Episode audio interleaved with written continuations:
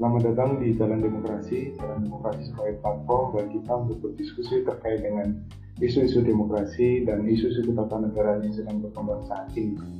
Bersama saya, Aldo Ibrahim, dan kali ini kita ditemani oleh Bapak Labib Mutakin. Beliau adalah dosen di Fakultas Hukum Universitas Muhammadiyah Surakarta. Selamat pagi Pak Labib. Pagi Mas Aldo, sehat Mas?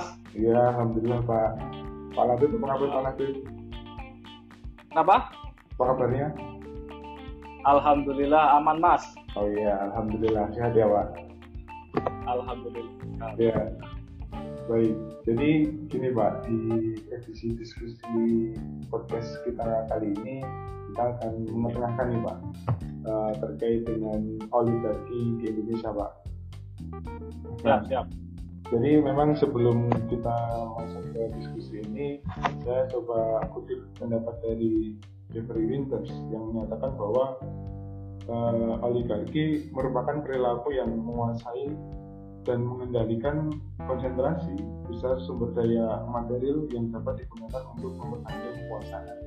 Jadi memang di sini uh, kalau kita lihat pengertian oligarki menurut Jeffrey Winters, ini memang uh, sistem yang uh, yang memang sistem politik yang memang dikuasai oleh beberapa kelompok baik itu kelompok kecil maupun kelompok besar untuk mempertahankan kekuasaan kalau kita sebutkan pengertian di dari Jeffrey Winters tersebut.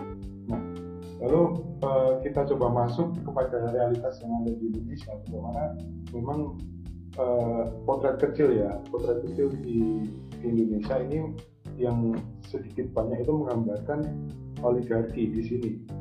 Nah, misalnya uh, terdapat beberapa RUU ataupun undang-undang yang ke depan mau disahkan ini memang uh, banyak sekali peristiwanya. Misalnya seperti RUU KPK, revisi undang KPK yang memang uh, mendapat penolakan dari berbagai pihak, namun namun tetap disahkan oleh DPR bersama dengan presiden dan juga beberapa RUU lain yang misalnya RUU Minerba, lalu ke depan juga misalnya RUU Omnibus Law, RUU Cipta Kerja dan berbagai RUU lainnya yang memang itu menjadi kontroversi yang menjadi kontroversi dan mendapat penolakan dari berbagai masyarakat.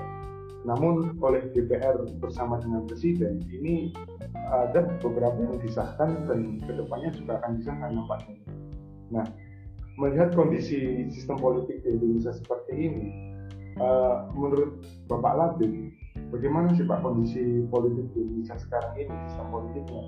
Padahal kita mengingat juga menurut uh, menurut Freddy Habibs ini uh, sistem politik di Indonesia ini sebenarnya sistem politik yang memang sejak uh, setelah era Presiden Soeharto ini memang oligarki menurut Freddy Habibs. Nah, apakah seperti itu juga, Pak? Menurut Pak Aldo gimana? Ya baik, terima kasih Mas Aldo. Pengantarnya sangat menarik sekali ya. Jadi berbicara uh, oligarki secara teoritis dari Jeffrey Winter dan berbicara tentang fenomena di Indonesia, berbagai peraturan perundang-undangan yang banyak di yang mengindikasikan tidak pro Sebelum saya berbicara lebih jauh tentang oligarki, ada hal-hal fundamental terlebih dahulu yang saya ingin sampaikan ya, terutama terkait dengan ketatanegaraan di Indonesia dan sistem politik. Uh, sebenarnya secara normatif, secara normatif itu secara uh, undang-undangan yang ada apa sih sebenarnya sistem politik yang Indonesia. Saya ingin mengatakan secara jelas bahwa kita menganut demokrasi. Tidak pernah ada di undangan kita bisa tidak demokratis itu tidak pernah ada yang mengatakan begitu. Kita bisa lihat dari misalkan pasal 1 ayat 2 Undang-Undang Dasar dan oleh rakyat. Jalankan menurut Undang-Undang Dasar kita juga punya Dewan Perwakilan Rakyat, itu adalah manifestasi dari rakyat. Kita juga punya pemilu, kita juga punya berbagai banyak instrumen hak asasi manusia yang mengakomodir rakyat untuk menyuarakan aspirasi. Nah, dalam konteks normatif atau dalam konteks uh, hukumnya, aturannya, ya, atau substansinya, itu kita memiliki fondasi demokrasi yang hanya pertanyaannya secara empiris atau secara pelaksanaan begitu. Nah, tadi Mas Aldo sudah banyak menyebutkan ya uh, seorang Indonesianis, Indonesianis ya, Peter uh, dia salah satu profesor di Northwestern University yang fokus uh, meneliti di Indonesia. Dia mengatakan bahwa di Indonesia oligarkis. Benny Hadis juga mengatakan begitu. Pertanyaannya adalah kalau kita demokrasi, kenapa kok bisa oligarkis? Apakah antara demokrasi ya? Karena kenapa? Secara regulasi kita sangat demokratis ya secara peraturan, tapi secara pelaksanaan kita juga oligarkis. Nah, pertanyaannya, kenapa kita bisa begitu? Ya. Oligarki di Indonesia itu muncul dari mana? Nah, itu yang kemudian uh, mungkin akan saya elaborasi ya. Jadi kalau uh, demokrasi itu kan pusatnya rakyat, secara faktanya, secara aturannya, secara empirisnya bagaimana? Secara empirisnya ternyata tidak begitu. Karena saya sepakat apa yang dikatakan oleh Mas Aldo tadi, bahwa ada yang namanya konsen kekuasaan yang terkonsentrasi dan kekayaan yang terkonsentrasi. Maksudnya begini, seharusnya kalau kita demokrasi, baik itu kekuasaan maupun kekayaan itu kan seluruh masyarakat Indonesia. Seharusnya tidak ada kesenjangan yang begitu antara si kaya dan si miskin atau puasa yang sangat powerful dengan orang yang rakyat biasa yang tidak punya power. So, seharusnya kalau di negara kesenjangan begitu dia tidak tidak terlalu jauh. Kesenjangan pasti ada itu nggak mungkin bisa dihilangkan dengan kesenjangan. Tapi seharusnya tidak begitu jauh. Ya, di Indonesia kalau kita bandingkan orang kaya dengan orang miskin itu ketimpangannya sangat jauh. Tujuh data dari uh, berbagai penelitian di Indonesia itu dimiliki oleh 5 sampai 7 persen populasi di Indonesia. Nah, terus sisanya bagaimana? Nah, ini kan menjadi sangat parah. Itu yang disebut sebagai konsentrasi kekayaan. Kemudian yang kedua adalah konsentrasi kekuasaan. Kalau kita lihat, eh, apakah kemudian kekuasaan ini terkonsentrasi kepada sekelompok orang? Ya kita bisa mengatakan ya siapa di sini misalkan kita bisa menyebut ketua parpol misalkan ya ketua partai politik Anggo, uh, kalau kita lihat realitas yang ada anggota DPR itu jarang takut kepada rakyat jarang padahal mereka perwakilan rakyat ya. tapi sama ketua partai itu takut sekali karena kenapa karena ketua partai itu konsentrasi kekuasaannya di situ dan parahnya ketua partai itu siapa yang menyokong ternyata disokong oleh orang-orang sentrasi kekayaan yang kita sebut misalkan orang-orang yang sangat kaya di Indonesia. Jadi tidak mau menyebut nama, tapi 7% populasi di Indonesia menguasai 70% kekayaan di Indonesia. Mereka bisa membeli partai, ya, uh, bisa, ya misalkan kemarin lah pemilu kemarin hanya ada dua calon ya, Jokowi dan Prabowo. Dua-duanya itu menurut saya ya tidak lepas dari kumpulan oligarkis yang menyokong hmm. belakang. Karena dari sini kita bisa melihat bahwa uh, rakyat tidak memiliki kekuasaan ya, terkonsentrasi kepada pemerintah dalam hal ini adalah parpol, kemudian parpol dikuasai oleh orang-orang yang sangat kaya, yaitu para politik. Jadi untuk sementara ini pandangan saya tentang kondisi politik di Indonesia. Oh, iya. Itu Mas Aldo. Jadi kalau memang kondisinya seperti itu, uh, lantas sebenarnya uh, apa sih mbak kekeliruan dalam mengelola sistem politik Indonesia sebenarnya seperti apa pak? Kekeliruannya itu ya. dalam apa? Ya, saya mengutip Jeffrey Winter ya terkait dengan solusi ya. Jadi kalau kita lihat uh, situasi yang seperti ini, sepertinya kita kan hampir mau putus asa begitu ya. Karena kita orang-orang biasa, saya Mas Aldo dan kebanyakan masyarakat itu kan orang-orang ya. biasa sebenarnya orang-orang yang tidak memegang tentang kekuasaan gitu. Kalau saya dosen mungkin ya berkuasa kepada nilai mahasiswa itu aja mungkin gitu ya. Tapi kalau orang yang sangat kaya itu mereka berkuasa kepada apol ya kepada elit-elit politik dan sebagainya. Nah pertanyaannya kita yang mayoritas ini, kita yang mayoritas tidak berkuasa ini itu apa yang harus dilakukan? Itu kan kelihatannya kita melihatnya pesimis. Namun uh, tidak ada jalan lain menurut saya salah satu caranya adalah memobilisasi pergerakan rakyat. Dalam hal ini adalah rakyat ya yang yang yang biasa ini yang seharusnya mendapatkan kesejahteraan ini yang seharusnya tidak mengalami ketimpangan ini itu harus bisa mengorganisasi dirinya untuk ya melawan hal-hal yang seperti itu. Hanya saja dalam konteks Indonesia hal ini sangat sulit. Ya. Dalam artian melakukan mobilisasi massa, orang yang memiliki kepentingan bersama ya rakyat biasa ini melawan oligarki itu saya melihat sangat sulit karena kenapa di Indonesia fragmentasinya itu sangat luar biasa. Ya beda agama, beda madhab itu sudah pecah duluan kan, yeah. gitu kan. Belum ngomong oligarki, beda pakaian saja kemudian orang sudah nggak mau bersatu. Nah ini eh, akhirnya Indonesia ini kan memiliki tradisi primordial yang sangat kuat ya.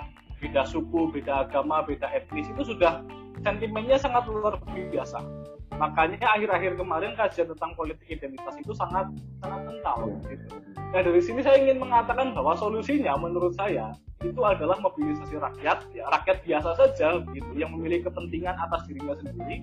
Namun saya harus mengatakan sayangnya hal ini bukan impossible, tapi butuh waktu yang cukup lama dan agak sulit ya. Kita butuh tokoh misalkan kayak seperti seorang seperti Soekarno gitu ya yang bisa mempersatukan kepentingan rakyat bersama. Soekarno kan sebenarnya dia orang biasa saja. Dia oke okay lah keturunan ningrat tapi bukan orang yang kaya raya. Ataupun orang seperti Gus Dur misalkan ya, ya dia memang punya darah kiai tapi dia bukan orang yang bukan oligark. Kita butuh orang-orang yang bisa menjadi simbol untuk mempersatukan kita.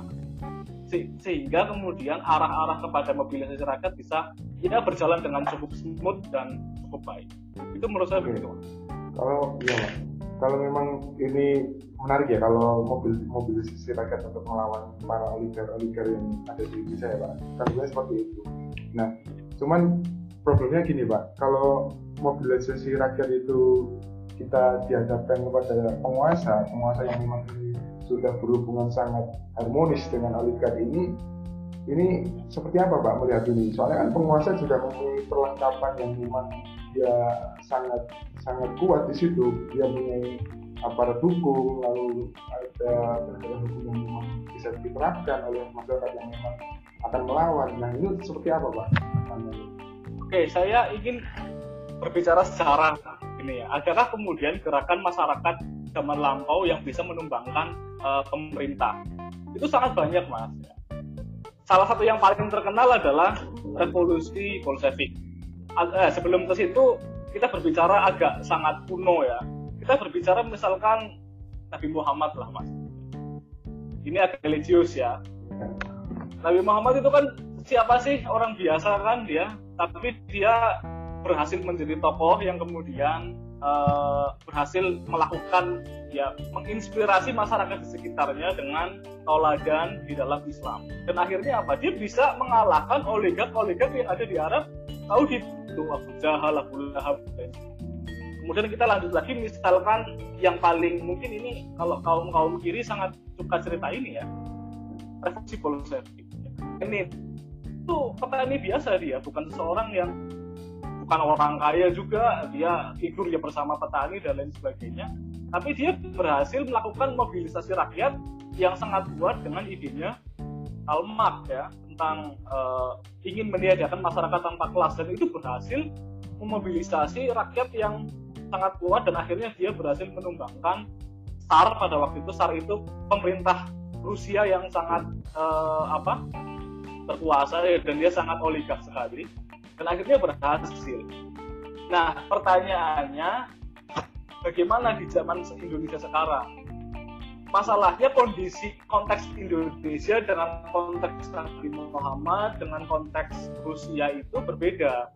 Jadi kalau di Indonesia ini kadang-kadang orang tidak sadar kalau dirinya tertindas sehingga dia nyaman-nyaman saja.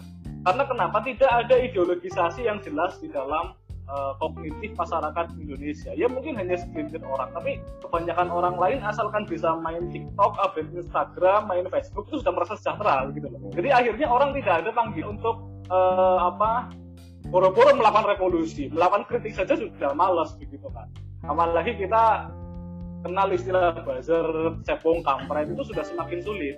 Nah, oleh karena itu kan butuh sosok begitu ya, seperti Lenin kah, seperti Nabi Muhammad kah, ya seperti Karl Marx misalkan, yang kemudian ya bisa berperan selayaknya Nabi begitu mas, yang memberikan apa namanya pencerahan kepada ya kalau bahasa kita ya kita menunggu siapa uh, Mesias begitulah semacam uh, turunnya Imam Mahdi begitu ya. ya seperti itu kalau menurut saya begitu mas.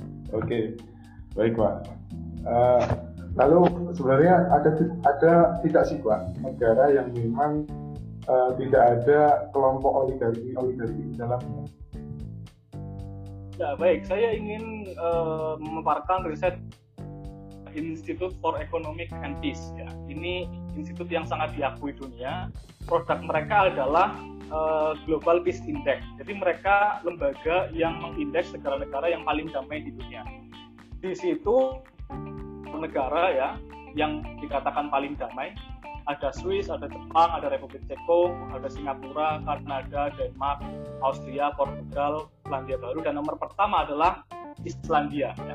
Nah ini Indonesia entah nomor ratusan pertama nggak tahu saya. Nah pertanyaannya kenapa kemudian uh, eh, IEP ini ya atau Institute for Economic Peace ini bisa mengatakan negara-negara tersebut sebagai negara-negara yang damai, negara yang politiknya baik, yang tanpa oligark dan lain sebagainya.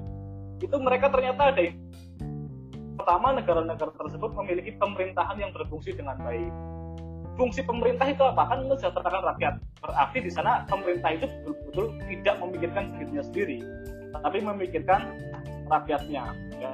Kemudian ada penerimaan terhadap hak orang lain kemudian hubungan baik dengan tetangga gitu ya bahkan yang sangat sepele harus informasi bebas uh, modal SDM tinggi ya dalam artian kalau Indonesia ini kan punya jargon generasi emas tahun 2045 ya, kayak bonus demografi. Tapi kita nggak tahu apakah ada atau nggak ada. Nah kemudian tingkat korupsi rendah ya dan distribusi sumber daya yang adil. Nah, yang terakhir ini penting sekali. Negara itu kan punya sumber daya. Sumber daya itu fungsinya untuk disalur, disalurkan kepada seluruh masyarakat. Dan di negara-negara yang saya sebut tadi yang memiliki tingkat perdamaian tinggi, itu distribusi kekayaan negara itu dilakukan dengan baik. Jadi semua orang kebagian semua. Meskipun ada kesenjangan itu pun sangat rendah. Jadi antara si kaya dan si miskin ya tetap ada, cuma tidak tidak sangat jauh di Indonesia. Gitu. Jadi kalau menurut data-data tersebut, saya melihat terutama di negara-negara di Skandinavia, di mana kemudian mentalitas orangnya juga sudah sangat baik, ya pemerintahnya juga sangat baik, maka akan melahirkan sistem politik yang baik. Ketika sistem politik sudah baik, maka yang akan terjadi adalah kesejahteraan, perdamaian, dan sebagainya. Gitu mas. Baik, uh, terakhir ini Pak, uh, kalau kita melihat tadi juga pendapat dari Jeffrey Winters ya, yang mengatakan Indonesia ini memang sudah oligarki ya sistemnya. Nah, lantas uh, kalau saya kaitkan dengan korupsi nih Pak, apakah uh, sistem oligarki yang ada di Indonesia ini juga menjadi salah satu sumber uh, adanya tindak pidana korupsi? Ya, saya ingin mengatakan pasti ada istilah yang sangat terkenal dari Lord Acton yang mengatakan bahwa power tend to corrupt ya and absolute power absolutely corrupt jadi kekuasaan ya di mana punya kecenderungan untuk melakukan korupsi kalau kekuasaan yang absolut gitu ya itu pasti korupsi. Kekuasaan yang absolut itu berdasarkan kekuasaan yang dipegang oleh raja ya uh, apa monarki termasuk juga oligarki oligarki itu kan dari dulu sampai sekarang kekuasaan nah itu di itu uh, backingannya tidak akan berubah misalkan di partai dari dulu sampai sekarang ya tentunya kepada anaknya ya. dan banyak partai lain seperti itu. Padahal partai-partai ini yang memegang kekuasaan. Sedangkan pemegang kekuasaan atau partai politik ini dikendalikan oleh para oligark dan kita tahu eh, jumlah korupsi. Nah, jadi dari sini kita tahu bahwa oligarki itu akan menghasilkan kekuasaan yang absolut jika mengutip Ron maka pasti kekuasaan yang absolut itu akan melahirkan korup halo? Oke baik pak. Ya. baik terima kasih pak atas pencerahannya ya pak di edisi-edisi ya, podcast ya, kita kali sama -sama. ini dan juga terima kasih juga kepada para pendengar setia dari Jalan Demokrasi nantikan podcast-podcast kita selanjutnya. Sekali lagi terima kasih Pak Alatif Mutakin. Sama-sama Mas Aldo.